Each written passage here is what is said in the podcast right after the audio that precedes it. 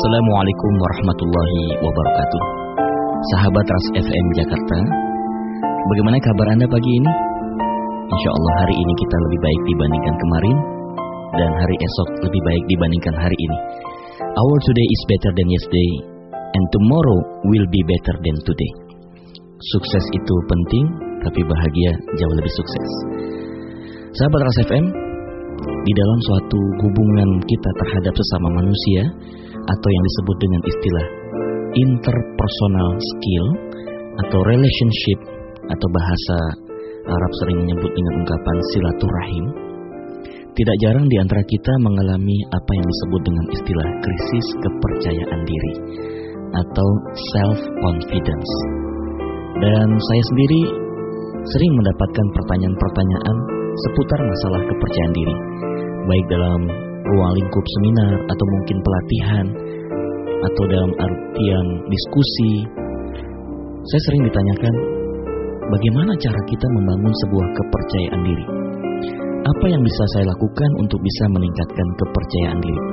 Bagaimana proses untuk bisa membentuk kepercayaan diri? Apakah ada hambatan-hambatan di dalam mewujudkan sebuah kepercayaan diri? Apakah kepercayaan diri itu hanya terbatas di dalam lingkup sosial apa bisa juga diterapkan dalam lingkup keluarga, kemudian dalam lingkup dakwah, dalam lingkup bisnis? Sahabat RSFM, tentu saja sebagai makhluk yang diciptakan Allah Subhanahu wa taala, kita haruslah memahami dan menyadari Allah Subhanahu wa taala mengatakan bahwa laqad khalaqnal insana fi ahsani taqwim. Sungguh Aku telah menciptakan manusia dengan bentuk yang terbaik. Di sini Allah menyebutkan dengan ungkapan terbaik atau dalam bahasa Arabnya disebut ahsan. Berarti ahsan ini adalah bentuk superlatif atau dalam bahasa tata bahasa Arab disebut dengan istilah isim tafdil. Kalau di dalam bahasa Inggris kita mengenal ada degrees of comparison perbandingan-perbandingan kualitas itu ada tiga level. Yang pertama disebut dengan positif, yang kedua adalah komparatif, dan yang ketiga adalah superlatif. Saya ambil contoh, baik itu good, lebih baik better, terbaik adalah best, the best. Nah sementara di dalam bahasa Arab ini indah sekali. Dia tidak menggunakan bahasa perbandingan, cuma ada dua, bahasa positif dan bahasa superlatif. Yang positif disebut dengan ungkapan hasan, baik.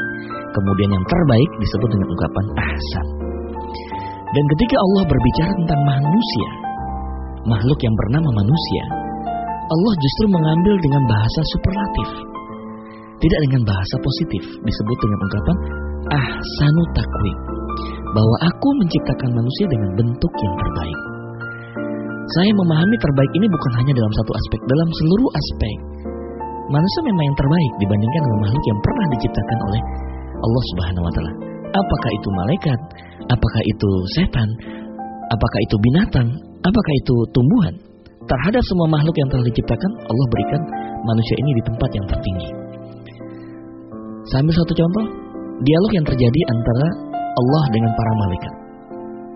Allah memerintahkan malaikat untuk sujud dalam artian lil ihtiram untuk menghormati Nabi Adam. Semua menghormati Nabi Adam kecuali iblis. Iblis kemudian mengatakan, "Aku diciptakan dari api sedangkan dia dari tanah." Harusnya tanah itu menghormati api. Nah, ini satu gambaran tentang karakteristik kesombongan iblis. Tapi yang jelas di situ Allah memberikan sebuah informasi kepada kita memang manusia itu memang lebih tinggi posisinya dibandingkan malaikat. Manusia itu lebih tinggi posisinya dibandingkan binatang. Manusia lebih tinggi posisinya dibandingkan tumbuhan. Diperkuat lagi juga dengan satu ungkapan. Wa faddalnahum ala katsir mimman khalaqna tafdila. Dalam surat Al-Isra ayat 70 Allah mengatakan dan memang manusia itu dilebihkan dari segala makhluk yang ada. Sahabat RSFM Jakarta, kalau Allah mengatakan manusia itu adalah makhluk terbaik, saya memahami terbaik ini berarti tidak ada duanya atau sering disebut dengan istilah the only one. Hanya satu-satunya. Kalau hanya satu-satunya, berarti manusia ini adalah makhluk istimewa. Apakah benar manusia ini cuma satu-satunya? Karena saya meyakini tidak ada manusia walaupun dia dilahirkan dalam kondisi kembar siam, tetap saja pasti ada perbedaan. Perbedaan DNA, perbedaan sidik jari, perbedaan karakter, dan seterusnya. Mungkin secara fisik ada kesamaan, hampir mendekati 100% kesamaan fisik. Tapi untuk soal DNA, soal karakter, soal sidik jari tidak bisa. Tetap setiap manusia yang dilahirkan di muka bumi mempunyai ciri khas tersendiri yang tidak bisa dibandingkan dengan yang lain. Walaupun dia berangkat dari satu orang ibu, berangkat dari satu keluarga, tetap pasti ada perbedaan. Nah, kalau kita berpikir bahwa setiap orang itu punya keunikan sendiri yang tidak bisa dibandingkan dengan orang lain, tidak bisa disamakan dengan yang lain, berarti cuma satu-satunya. Setiap manusia cuma satu-satunya yang punya sifat seperti itu. Berarti bisa disebut spesial, bisa disebut istimewa. Nah, cuma memang ketika manusia lahir itu dalam kondisi istimewa. Tapi dalam proses perjalanan hidup, bertambahnya usia, mulai berinteraksi dengan lingkungan dan habitat, berbagai, berbagai macam situasi dan kondisi, kadang-kadang perasaan semacam ini, perasaan sense of special ini, perasaan istimewa ini, makin lama makin luntur. Sehingga tertutup, akhirnya yang muncul itu adalah kurang percaya diri. Insya Allah kalau kita kembali flashback kepada zaman dulu, kepada masa kita dilahirkan, mestinya tidak ada alasan bagi setiap yang bernama manusia siapa pun orangnya, apa pun posisinya, harusnya pede. Karena Allah sudah menciptakan manusia dengan bentuk yang terbaik, tidak mungkin manusia tidak punya kepercayaan diri. Baik, sekarang kita bahas. Tapi kenyataannya sekarang kita melihat banyak orang-orang yang kurang percaya diri. Baik. Sahabat Ras FM, kalau kita melihat sebabnya sebenarnya secara sederhana cuma dua. Kenapa orang itu kurang percaya diri? Sebab dari dua. Yang pertama, sebab dari dalam dan yang kedua adalah sebab dari luar. Atau yang disebut dengan istilah faktor internal dan faktor eksternal.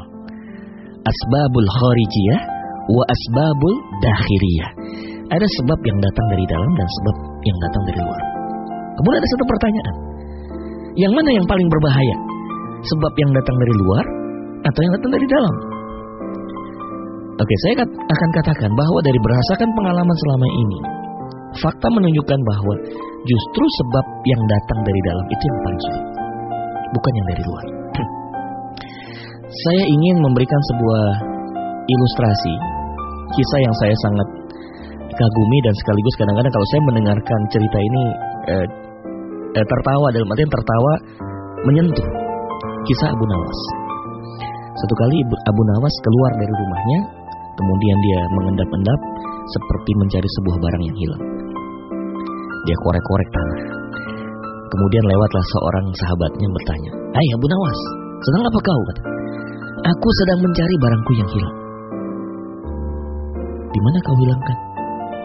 Di dalam rumah. Loh, kau hilangkan di dalam rumah, kenapa kau cari di luar rumah? Sebab di rumah itu gelap. Kalau di luar rumah lebih terang. Jadi kemungkinan saya bisa mendapatkan lebih cepat.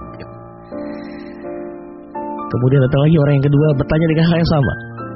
Hai Abu Nawas, sedang apa kau? Aku sedang mencari barangku yang hilang. Barang apa? Jarum. Di mana kau hilangkan? Di dalam rumah. Kenapa? Kenapa kau cari di luar rumah? Karena di dalam rumah lampu mati.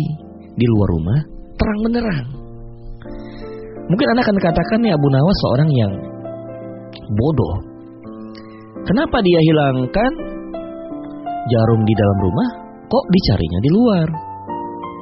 Sepintas kita bisa mengatakan dia bodoh, tapi sebenarnya di dalam kebodohan yang dianggap oleh kita, dia memberikan sebuah pelajaran yang berarti, pelajaran sangat bermakna, very very powerful dan meaningful, sangat bertenaga dan sangat bermakna.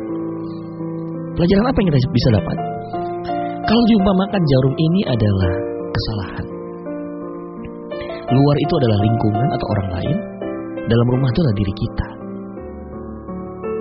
Apa yang dilakukan oleh Abu Nawas memberikan satu teguran kepada kita. Kenapa Anda itu lebih mudah menyalahkan orang lain daripada menyalahkan diri sendiri?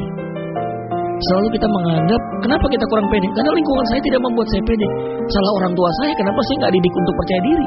Salah guru-guru saya di sekolah, kenapa saya tidak tidak dididik untuk menjadi orang yang percaya diri. Salah masyarakat, tokoh-tokoh masyarakat, kenapa tidak tidak membangkitkan semangat saya untuk menjadi percaya diri? Baik sahabat RSFM, sebelum kita lanjutkan, mari kita simak beberapa pesan-pesan dulu.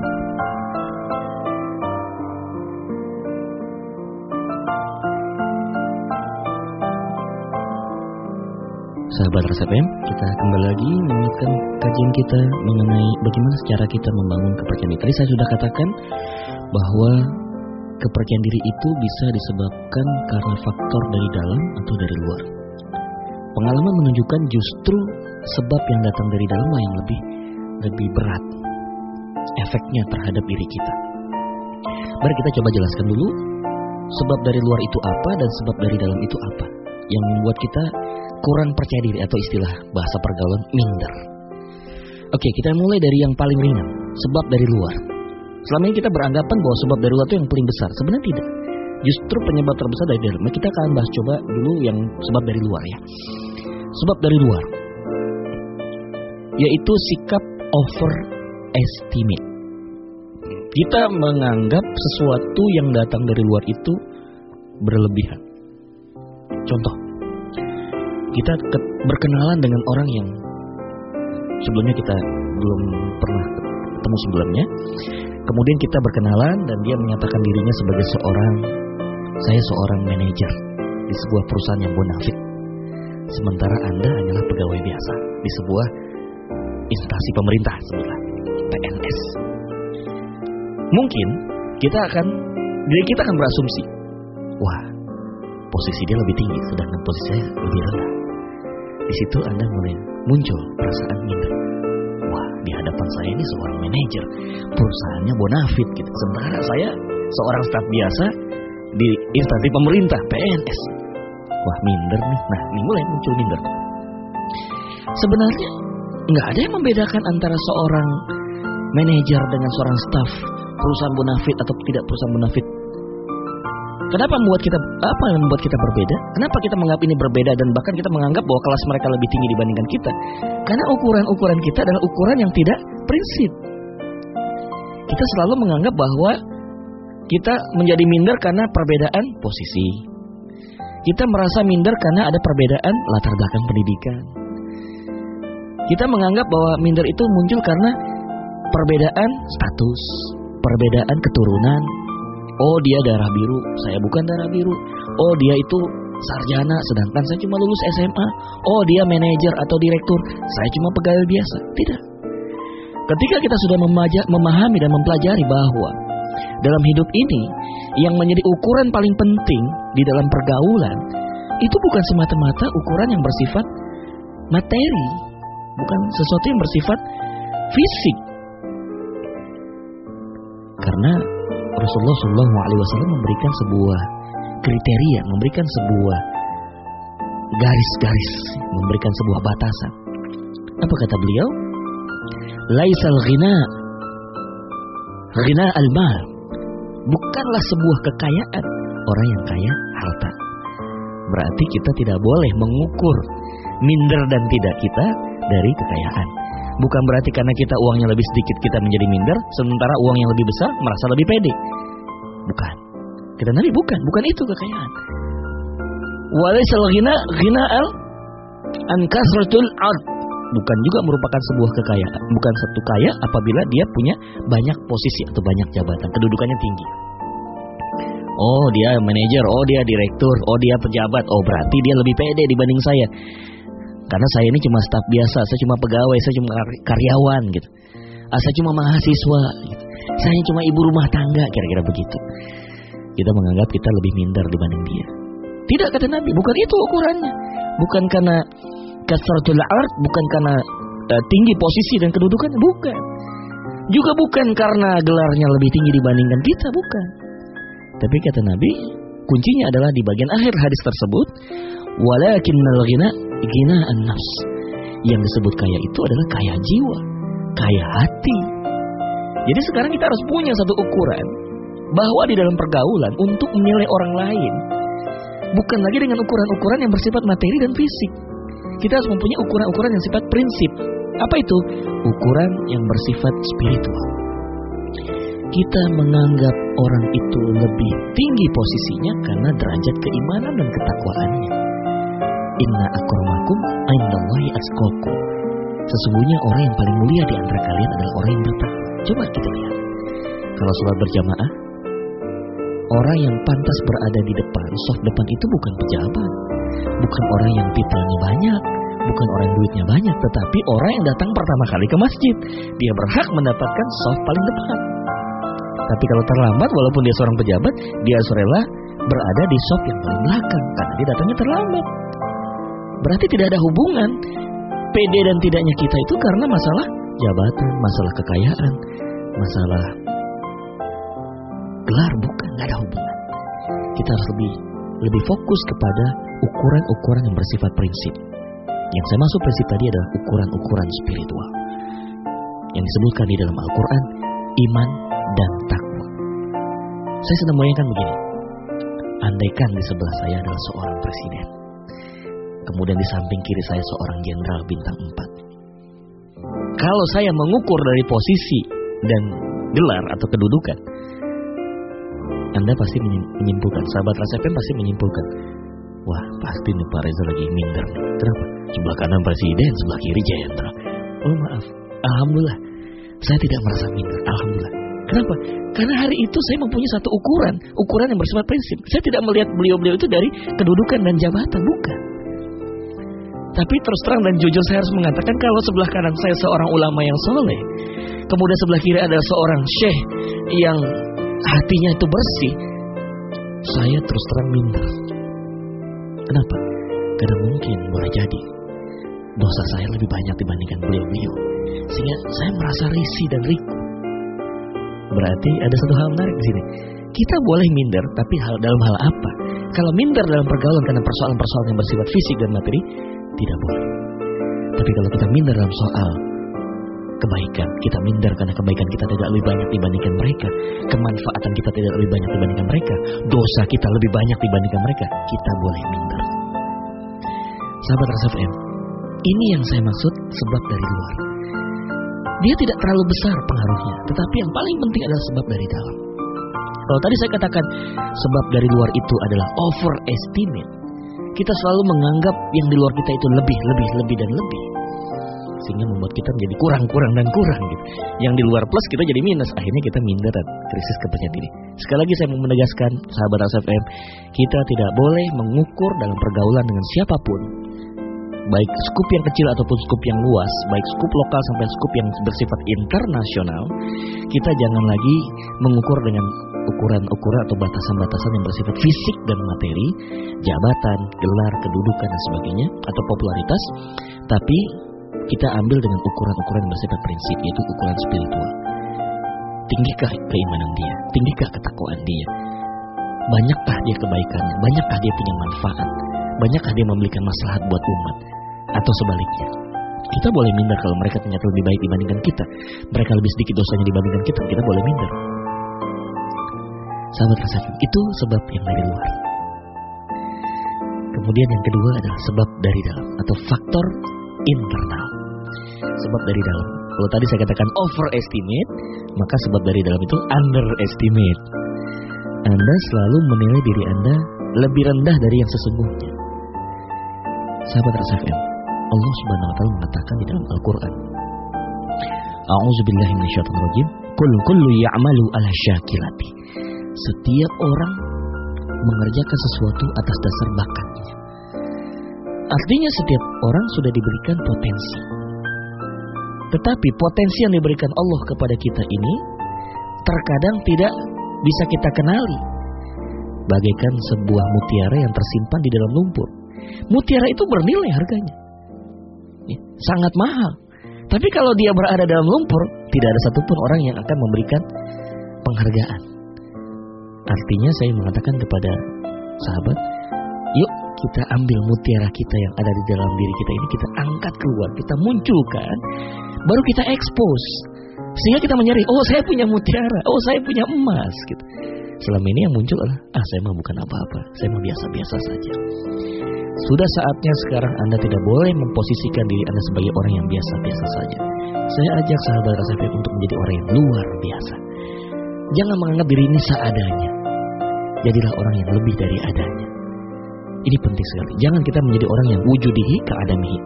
Jangan kita menjadi orang yang adanya kita sama dengan tidak adanya kita. Mendingan kita nggak usah ada. Orang ada tidak ada sama saja mendingan kita tidak perlu tidak perlu ada. Tapi supaya kita bisa disebut manusia yang baik, manusia yang sukses, manusia yang sejati, tunjukkan bahwa kita adanya kita berbeda dengan tidak adanya kita.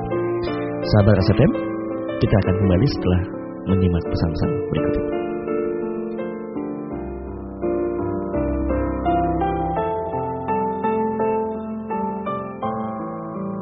Sahabat RSFM, kita tadi sampai kepada faktor internal sebab yang datang dari dalam, yaitu underestimate.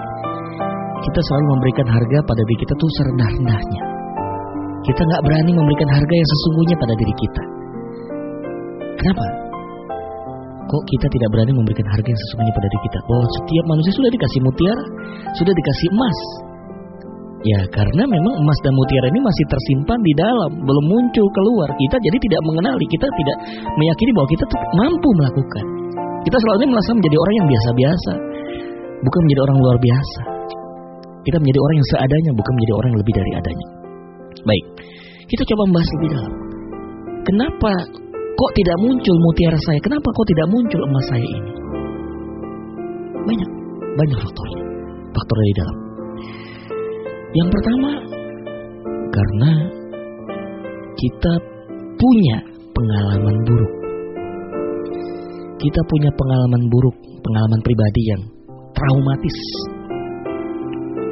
Sehingga begitu membekas di dalam pikiran kita, tercatat di dalam hati kita, sehingga itu bagaikan sebuah cacat. Nah, cacat ini belum hilang. Seolah-olah cacat ini menutupi mutiara kita. Seperti tadi lumpur. Nah, lumpur ini nutupin mutiara kita. Berarti bagaimana tugas kita? Ya, tugas kita singkirkan itu lumpur, singkirkan cacat itu sedikit demi sedikit, dipoles, di, disingkirkan, ya, dibuang. Nanti lama-lama terlihat mutiara yang sesungguhnya. Pengalaman buruk macam apa yang bisa membuat diri kita itu menjadi minder? Contoh, ada seorang yang ketika waktu masih sekolah, baik itu di kuliah, ya, di kampus ataupun di sekolah menengah atas atau bahkan yang di bawahnya, dia pernah punya pengalaman buruk begini. Ketika itu ujian, dia tidak siap. Terus terang waktu itu dia tidak siap untuk menghadapi ujian. Sebenarnya ujian materi ujian itu sesuatu yang sudah sering dibahas di, di kelas, tapi karena dia tidak siap, tidak konsen pada waktu itu lagi tidak mood lah istilahnya. Jawaban-jawaban yang dituliskan itu jawaban yang tidak tepat. Kemudian gurunya lewat dan melihat gitu. Kemudian guru ini memberikan sebuah komentar. Kalau begini jawabannya, kamu tuh nggak pantas jadi seorang mahasiswa atau mahasiswa. Mendingan masuk SMP aja lagi katanya. Oh, itu kata-kata yang kelihatannya berbekas gitu. Wah, keterlaluan nih guru. Ngandain saya. Maksud saya mahasiswa dibilang masih kayak SMP. Melihat jawaban saya. Memang itu gak siap. Dan kita langsung potret kejadian itu menjadi sesuatu yang sangat besar. Gitu. Memang saya ini bodoh. Memang saya gak pantas masuk kuliah. Belum pantas saya jadi mahasiswa. Pantasnya memang saya masih SMP. Dan kita membenarkan apa yang dikatakan oleh guru itu. Mutiara kita masuk ke dalam. Dan mulai ditutup dengan cacat tadi. Dan itu bukan sekali dua kali. Ternyata setelah menjelang mau ujian semester akhir pun kita waktu mau presentasi skripsi juga dilakukan seperti itu. Wah ini skripsi skripsi yang jelek segala macam lah. Kita sebenarnya itu uji mental sebenarnya. Dosen itu melakukan itu uji mental. Apakah kita sanggup mempertahankan skripsi kita? Bukan maksudnya jelek isinya, tapi mungkin dia sedang mencoba melihat bagaimana sikap kita pada saat di, dijatuhkan seperti itu. Dan kita menerima gitu. Penilaian orang terhadap kita. Istilahnya kalau kita manusia ini diri kita adalah barang misalnya harusnya harga kita ini satu juta rupiah kemudian orang nawar sampai dengan seratus ribu kita terima ya akhirnya harga anda jadi seratus ribu dong kalau begitu. Dan selanjutnya sama ini anda percaya bahwa oh ternyata memang memang benar ya ternyata harga saya seratus ribu ya bukan satu juta. Itu yang terjadi. Oke itu yang pertama. Kita menjadi merendahkan itu karena pengalaman buruk. Kita punya pengalaman buruk di masa lalu.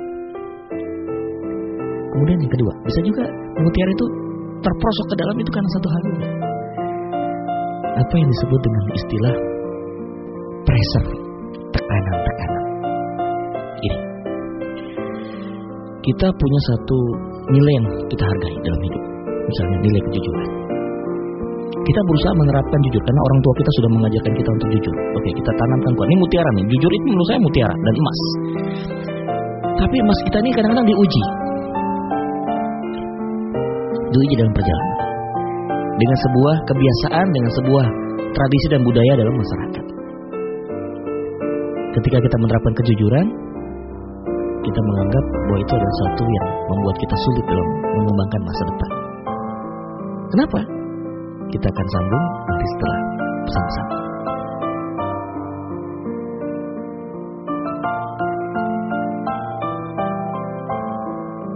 Sahabat Ras FM, memang kadang-kadang kita tuh suka ter, terpukul dengan tekanan-tekanan dari pihak sekitar kita, kebiasaan kita, tradisi tradisi tradisi yang berkembang di masyarakat. Tadi masalah kejujuran saya angkat masalah kejujuran yang paling banyak kita alami misalnya. Ada satu ungkapan hari ini masih berpikir jujur, nggak bak nggak bakalan bisa berhasil dalam bisnis, nggak bakalan bisa berhasil dalam kuliah. Harus jadi sepertinya kita disuruh untuk berbuat white lie. Ya agak-agak bohong sedikit bolehlah, bohong yang sedikit sopan gitu. Tidak ada toleransi bicara jujur ya jujur, tidak bisa dikurangi sedikit pun jujur ya harus 100%. Kalau dalam konteks pekerjaan kita sering menganggap dan mempercayai ke keyakinan itu bahwa Pak, kita nyari yang haram aja susah apalagi yang halal gitu. Jadi, jadi seperti itu. Artinya maksudnya untuk cari pekerjaan yang haram aja susah apalagi yang halal. Jadi sepertinya kita disuruh untuk udahlah, udah udah ma, sudah lumrah kita nih nggak jujur tuh udah biasa. Dari mulai atas sampai bawah semua semua melakukan ketidakjujuran. Kenapa kita harus jujur? Kita disuruh untuk membenarkan kebiasaan, tetapi kita tidak mau belajar membiasakan dengan hal-hal yang benar. Saya ulang sekali lagi ini kalimat sangat penting sekali. Janganlah selalu kita membenarkan kebiasaan, tapi cobalah kita membiasakan dengan hal-hal yang benar. Seribu orang mengatakan bahwa jujur itu tidak penting dalam hidup. Walaupun hanya ada satu orang dan itu diri anda sendiri bahwa jujur itu penting, maka anda harus pegang yang satu, bukan pegang yang seribu. Karena yang namanya kebenaran tidak diukur dari jumlah, tidak diukur dari mayoritas atau minoritas. Tidak bicara masalah dominasi atau yang tidak dominan. Bicara kebenaran, kita bicara kebenaran itu sendiri. Tidak bicara siapa yang mendukung.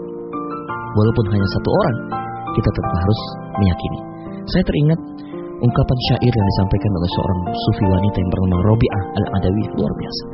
Dia bilang, Ya Allah, andai kata semua orang di muka bumi ini membenciku, berarti yang dimaksud beliau itu adalah seluruh dunia membenci dia.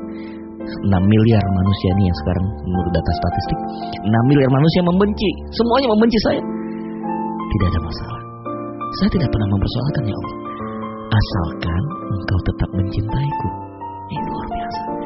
Kalau setiap orang punya prinsip seperti ini Maka dia akan menjadi confidence Saya yakin Robiah ini ada orang yang confidence Berhadapan dengan manusia Tapi begitu berhadapan dengan Allah Dia menjadi tidak confidence Kenapa? Dia menyadari bahwa dirinya lemah dirinya terbatas, doif, dan seterusnya. Sahabat Ras FM, jadi untuk bisa mengurangi cacat tadi, mari kita munculkan mutiara ini, kemudian kita hapus, kita delete ibaratnya kalau komputer tuh sebelum dimasukin program yang bagus, kita coba delete dulu virus-virus. Ini virus. Virus-virus seperti ini harus di, dibuang. Pengalaman trauma masa lalu, nilai-nilai yang kita yakini itu harus di digugat lagi, diganti dengan nilai-nilai yang lebih menguntungkan. Baik, sahabat Ras FM, kita sudah membahas sebab eksternal dan sebab internal. Tadi sebab eksternal saya katakan overestimate. Jangan melebih-lebihkan orang dibandingkan dengan apa yang kita lihat dalam kenyataan. Sebab kadang-kadang apa yang tampak oleh kita itu tidak seperti yang sesungguhnya. Apalagi kalau bicara itu benar apa yang dikatakan dalam satu syair lagu. Dunia ini adalah sandiwara. Jadi banyak orang yang bisa bermain, berakting dengan baik seolah-olah dia punya nilai lebih padahal sebenarnya dalam kehidupan yang sesungguhnya dia tidak seperti itu. Anda tentu Anda suka nonton film atau apa tayangan hiburan. Kita suka melihat ada pemeran-pemeran yang luar biasa. Di seorang ibu digambarkan ibu yang peduli sama anak-anaknya, digambarkan seorang pengusaha yang sukses. Sekali lagi, Anda harus melihat itu hanya sekedar hiburan. Belum tentu dalam kehidupan sehari-hari mereka seperti itu. Mereka berbuat seperti itu karena menurut perintah dan arahan sutradara. Belum tentu si ibu itu benar-benar peduli terhadap anaknya kan. Itu hanya panggung, itu sandiwara. Jadi kita nggak perlu memberikan harga yang terlalu berlebihan terhadap orang lain. Berikan harga secukupnya. Dan yang kedua, juga jangan merendah-rendahkan harga kita. Kalau memang kita harga satu juta, kita harus menceritakan bahwa kita satu juta tanpa harus bersikap sombong. Orang harus tahu bahwa kita kita satu juta. Jadi ini memang ada satu satu kontradiksi antara kata tawadu dan kata takabur. Ini kita mesti jelas. Jangan sampai kita punya mispersepsi ya kesalahan persepsi tentang dua kata ini. Kalau kita menonjolkan kelebihan kita, kita dianggap takabur. Kemudian kalau kita merendah-rendahkan diri kita, itu berarti tawadu. Ini, ini satu hal yang harus diluruskan. Bukan begitu maksudnya.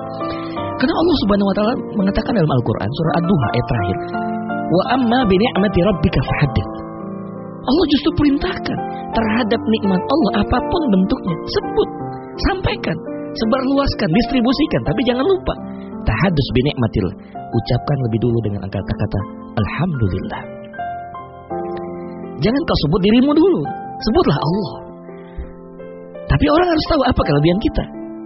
Nah, yang bisa menjadi takabur ketika kita menceritakan hal-hal yang tentang hal-hal yang menonjol dalam diri kita, tapi kita tidak melibatkan Allah di situ. Misalnya, wah, saya wisudawan terbaik dulu waktu kuliah. UIP saya 4, 4,00. Saya rajin belajar. Ya, asal Anda tahu saja, saya ini mahasiswa teladan. Asal tahu aja saya pegawai teladan. Saya mencapai posisi manajer hanya dalam waktu cuma satu bulan, sedangkan orang lain harus satu tahun. Oh saya sebagai seorang pengusaha dalam waktu tiga bulan bisa mengumpulkan omset bisa ratusan dan ribuan kali lipat. Ini, ini menggambarkan kesan sombong. Kenapa? Orang hanya melihat, oh jadi anda yang hebat. Bukan itu. Supaya tidak menjadi takabur, berubah menjadi tawadu, anda masukkan unsur Allah. Alhamdulillah berkat bimbingan dan hidayah Allah, saya bisa menjadi mahasiswa terbaik. Nah ini nih boleh. Sehingga orang membayangkan bukan karena andanya, tapi karena Allah ikut campur tangan dalam proses itu. Alhamdulillah, berkat karunia Allah, bisnis saya bisa lancar. Alhamdulillah, dalam waktu tiga bulan bisa mencapai seribu persen. Alhamdulillah, saya bisa menjadi karyawan teladan sehingga saya bisa berangkat haji gratis dihajikan oleh perusahaan saya. Itu boleh. Kenapa? Alhamdulillah. Yang sampai kepada pikiran orang itu adalah, oh iya, berarti dia itu hebat karena Allah. Siapa pun kita menjadi hebat itu karena Allah. Allah yang mengangkat. Dan kita bisa menjadi hancur karena dijatuhkan oleh Allah Subhanahu wa taala.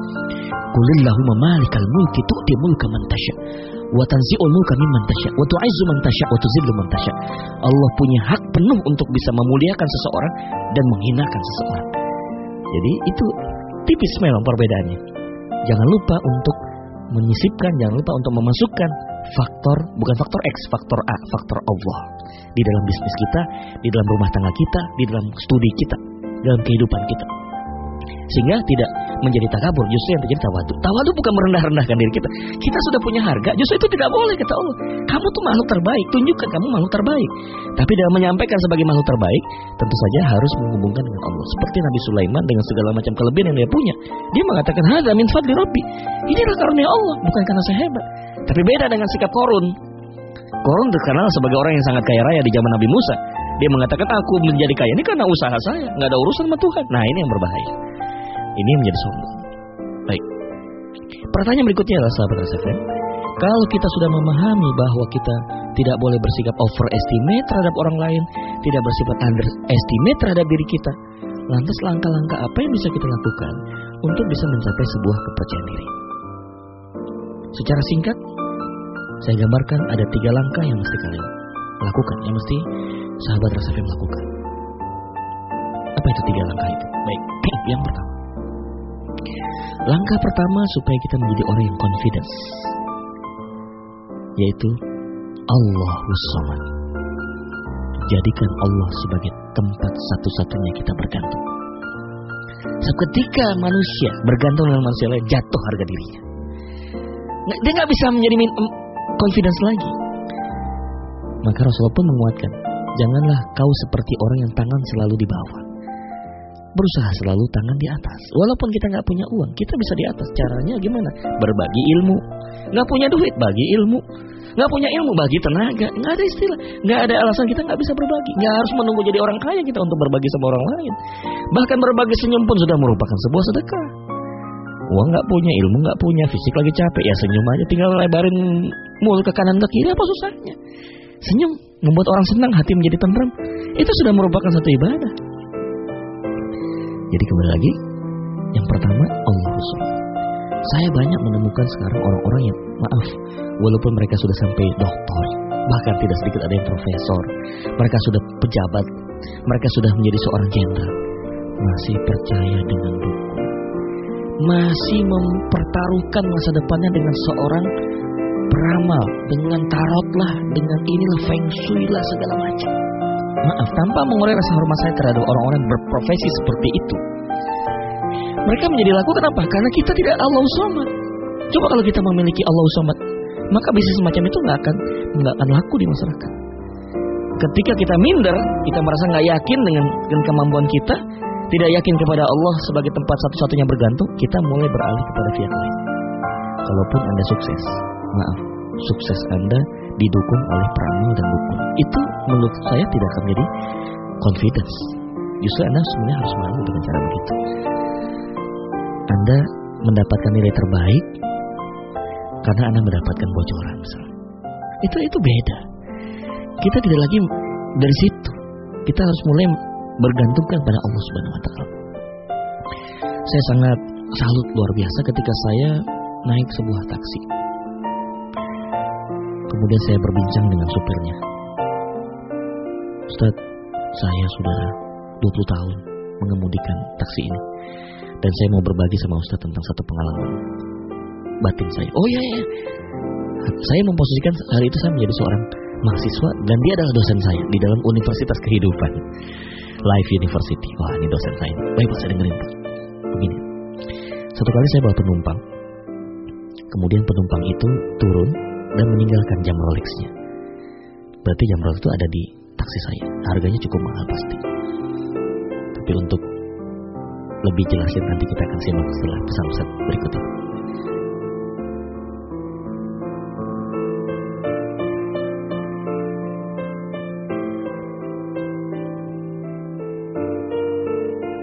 Sahabat Rasa kita lanjut kisahnya, supir taksi ini.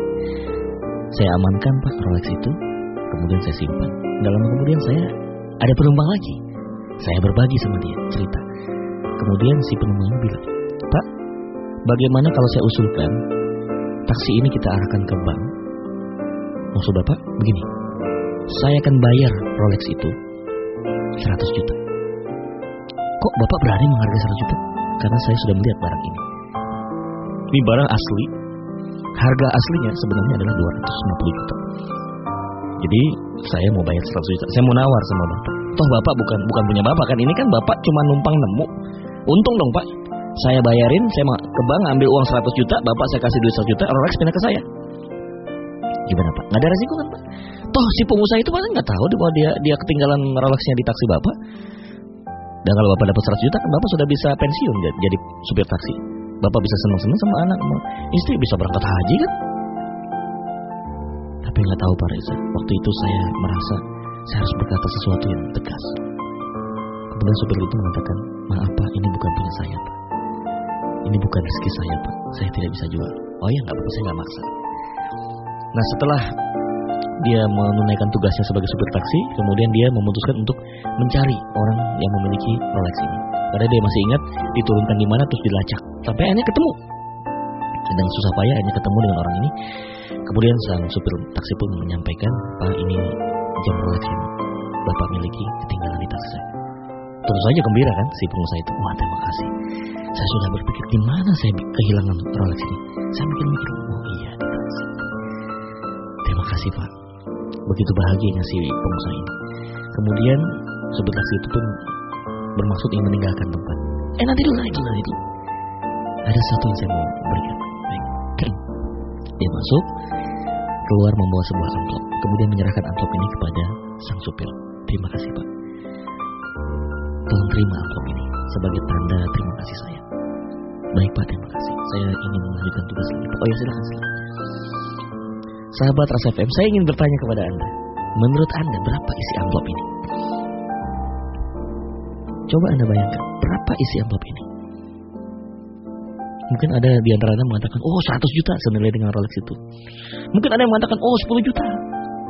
Mungkin juga ada yang mengatakan 1 juta. Tahukah Anda, berapa sebenarnya isi amplop itu? Setelah dia berhasil mengembalikan Rolex yang bernilai 250 juta dan dia ditawar 100 juta oleh penumpang taksi yang lain. Anda tahu berapa nilainya? Setelah dibuka, isinya adalah 75 ribu rupiah. Bayangkan, 100 juta menjadi 75 ribu rupiah. Ini jumlah yang sangat jomplang ya. Wah, tidak berbanding lurus gitu. Ini jauh sekali perbedaannya. Kalau Anda waktu itu jadi supir taksi, komentar Anda apa? Jujur, katakan. Saya secara manusiawi kalau saya jadi supir taksi akan mengatakan mungkin. Orang ngajar orang. Udah ditemuin Rolex mahal-mahal. Mau bayaran cuma komisinya, insentifnya, bonusnya, tanda terima kasihnya cuma 75 ribu. Ya paling nggak satu juta lah. Gitu kira-kira. Yang wajarnya satu juta lah. Anda mungkin akan mengatakan begitu. Anda kesel, Anda kecewa, pelit banget nih orang segala macam. Tapi alhamdulillah Ustaz, pada waktu itu saya mengatakan, ya Allah, alhamdulillah. Saya bersyukur inilah rezeki saya. Memang Allah memberikan rezeki saya hari itu 75 ribu. Sahabat Rasulullah. Ini yang saya sebut dengan Allah Betapa si supir ini begitu confidence-nya. Menurut saya dia confidence. Dia punya rasa pede yang luar biasa. Menghadapi penumpang yang nawar 100 juta, menghadapi si pemilik Rolex itu harga dirinya luar biasa. Menghadapi saya pun dia punya confidence yang tinggi. Kenapa? Karena dia tidak pernah bergantung kepada si penumpang yang mau bayar 100 juta. Dia tidak pernah bergantung kepada si pemilik Rolex itu. Dia tidak bergantung pada saya. Dia bergantung kepada Allah. Di situlah Ustaz saya belajar ilmu ikhlas. Ya, betul itu jawaban. Kalau kita bergantung hanya kepada Allah berarti kita tauhid. Tauhid itu orangnya ikhlas. Tulus. Dan akibatnya Allah memberikan balasan kepada supir taksi itu setelah dia menerima 75 ribu dari mulai dia terima 75 ribu sampai tengah malam itu nggak pernah habis-habisnya penumpang memberhentikan mobilnya. Jadi hari itu beliau bisa tutup setoran seperti seminggu. Memang itulah rezeki dia. Baru dalam taraf seminggu setoran. Luar. Tapi ini sebuah ke keberkahan yang luar biasa. Oke. Sahabat FM, kita sudah belajar langkah pertama untuk bisa pede. Mohon kita hanya mau bergantung kepada Allah. Ketika Anda sudah mulai bergantung kepada yang lain-lain di luar Allah, di situlah pede Anda akan jatuh. Siapa pun Anda, kalau Anda tidak bergantung kepada Allah, maka Anda tidak memiliki confidence. Walaupun menurut ukuran psikologi Anda sudah pede. Tapi menurut ukuran akidah, menurut ukuran spiritual Anda belum confidence.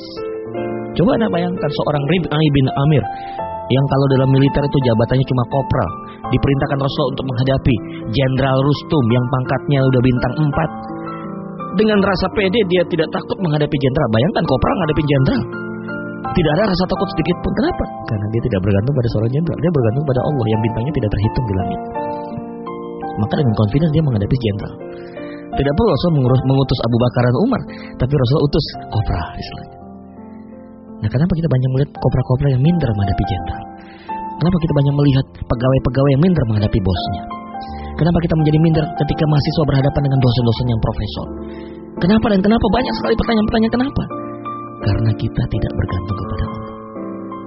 Coba mulai sekarang kita mulai melakukan satu sikap, perubahan sikap. Yuk kita hanya mau bergantung kepada Allah Subhanahu wa taala. Pasti confidence, pasti confidence. Keyakinan kepada Allah akan berpengaruh pada confidence. Makin tinggi keyakinan kita, ketergantungan kita pada Allah, semakin confidence.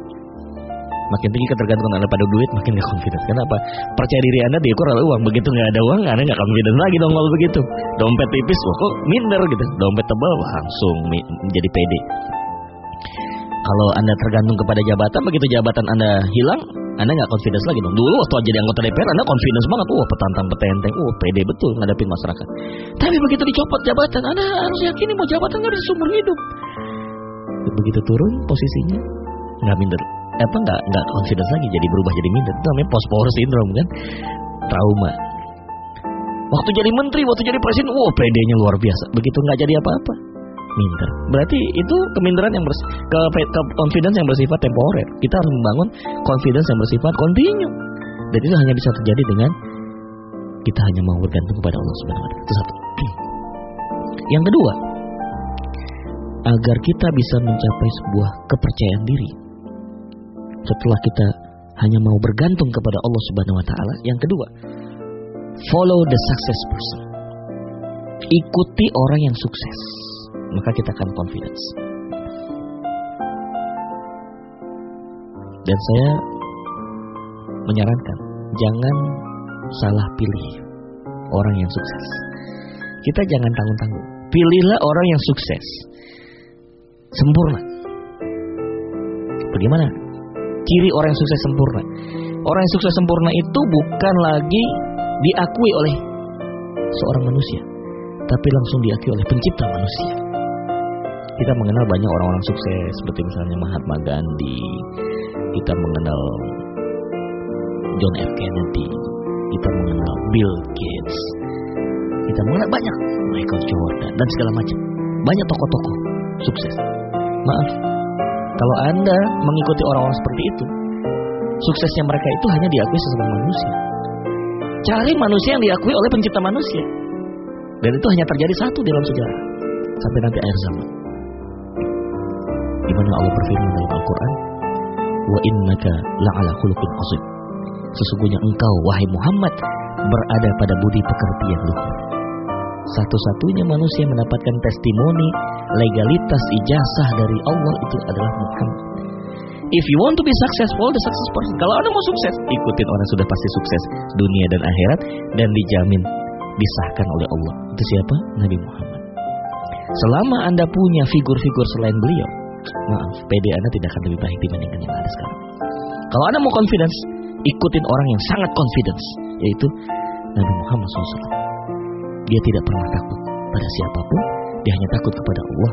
Ditawarkan jabatan, ditawarkan wanita cantik, ditawarkan uang yang banyak, dia katakan dengan PD-nya, andaikan matahari di tangan kananku, la wada'u syamsa fi yamini wal qamara fi yasari. Andai kata matahari di tangan kananku, bulan di tangan kiriku, aku tidak akan menyerahkan dakwah kepada orang kafir. Yang bisa memberhentikan dakwah ini hanya Allah subhanahu Wah begitu confidence-nya. Ketika dihunuskan pedang oleh yang namanya Da'thur. Hei Muhammad, siapa yang bisa nolong kamu wahai Muhammad? Tidak ada yang bisa menolong kamu di tempat yang sepi ini. Dengan hitungan per detik saja kamu sudah saya hunus dan kau akan mati hari ini. Dengan tenang dan mantap beliau menjawab, Allah yang akan menolong saya. Gemetar si Daksur kemudian menjatuhkan pedangnya. Gantian Nabi ambil pedang itu dan kemudian dihunuskan pada Daksur. Siapa yang bisa menolong kamu? Gak bisa jawab. Kenapa Daksur menjadi pede waktu itu? Karena dia berada merasa dia di atas angin. Dia pegang pedang. Nabi Muhammad sudah tidak ada pilihan. Dia pede. Tapi begitu pedangnya jatuh, oh ternyata pedenya senilai harga pedang. Kasihan. Ya, banyak orang yang pedenya hanya disenilai dengan baju, senilai dengan dompet, senilai dengan mobil Jaguar, senilai dengan mobil rumah mewah di Pondok Indah kasihan, kasihan. Senilai dengan gelar doktor, profesor, senilai dengan jabatan di perusahaan presiden direktur kasihan. Harusnya kita menjadi confidence karena karena tadi kembali ke atas lagi keyakinan kepada Allah dan orang yang paling tinggi keyakinan kepada Allah adalah beliau Nabi Muhammad. Makanya di langkah kedua ini ikutilah manusia yang sukses dunia akhirat yaitu Rasulullah SAW. Dan yang terakhir adalah kita kalau mau tidak tersesat agar tetap pede. Jangan lupa ada orang yang ingin mensabotase pede kita, setan. Banyak setan itu dari jin dan manusia. Dia bisa dia akan bisa menarik kita untuk menjadi tidak pede lagi. Bagaimana supaya kita tetap jalan yang lurus? Ikutilah Al-Qur'an. Karena Al-Quran selalu bisa memberikan inspirasi, membangkitkan keyakinan kita, membangkitkan confidence. Setiap ayat yang Anda baca, setiap surat yang Anda baca, itu akan menambah kepercayaan diri Anda, akan menambah keyakinan Anda. Ingat tiga langkah untuk meningkatkan confidence, bergantung kepada Allah. Yang kedua, ikuti manusia yang sukses dunia akhirat, Nabi Muhammad. Kemudian, hiduplah dengan panduan Al-Quranul Karim. Karena bagi saya Quran adalah kitab suci motivasi, kitab suci inspirasi yang tidak pernah habis. Setiap ayat yang Anda baca akan membangkitkan semangat Anda, membangkitkan kepercayaan diri Anda, confidence Anda. Sahabat Ras FM, tidak terasa sampai di sini perjumpaan kita. Mudah-mudahan apa yang saya sampaikan bisa bermanfaat, bisa membuat diri Anda lebih baik dibandingkan kemarin, dan hari esok lebih baik dibandingkan hari ini. Sukses itu penting, menjadi bahagia jauh lebih sukses. Sampai jumpa. Wassalamualaikum warahmatullahi wabarakatuh.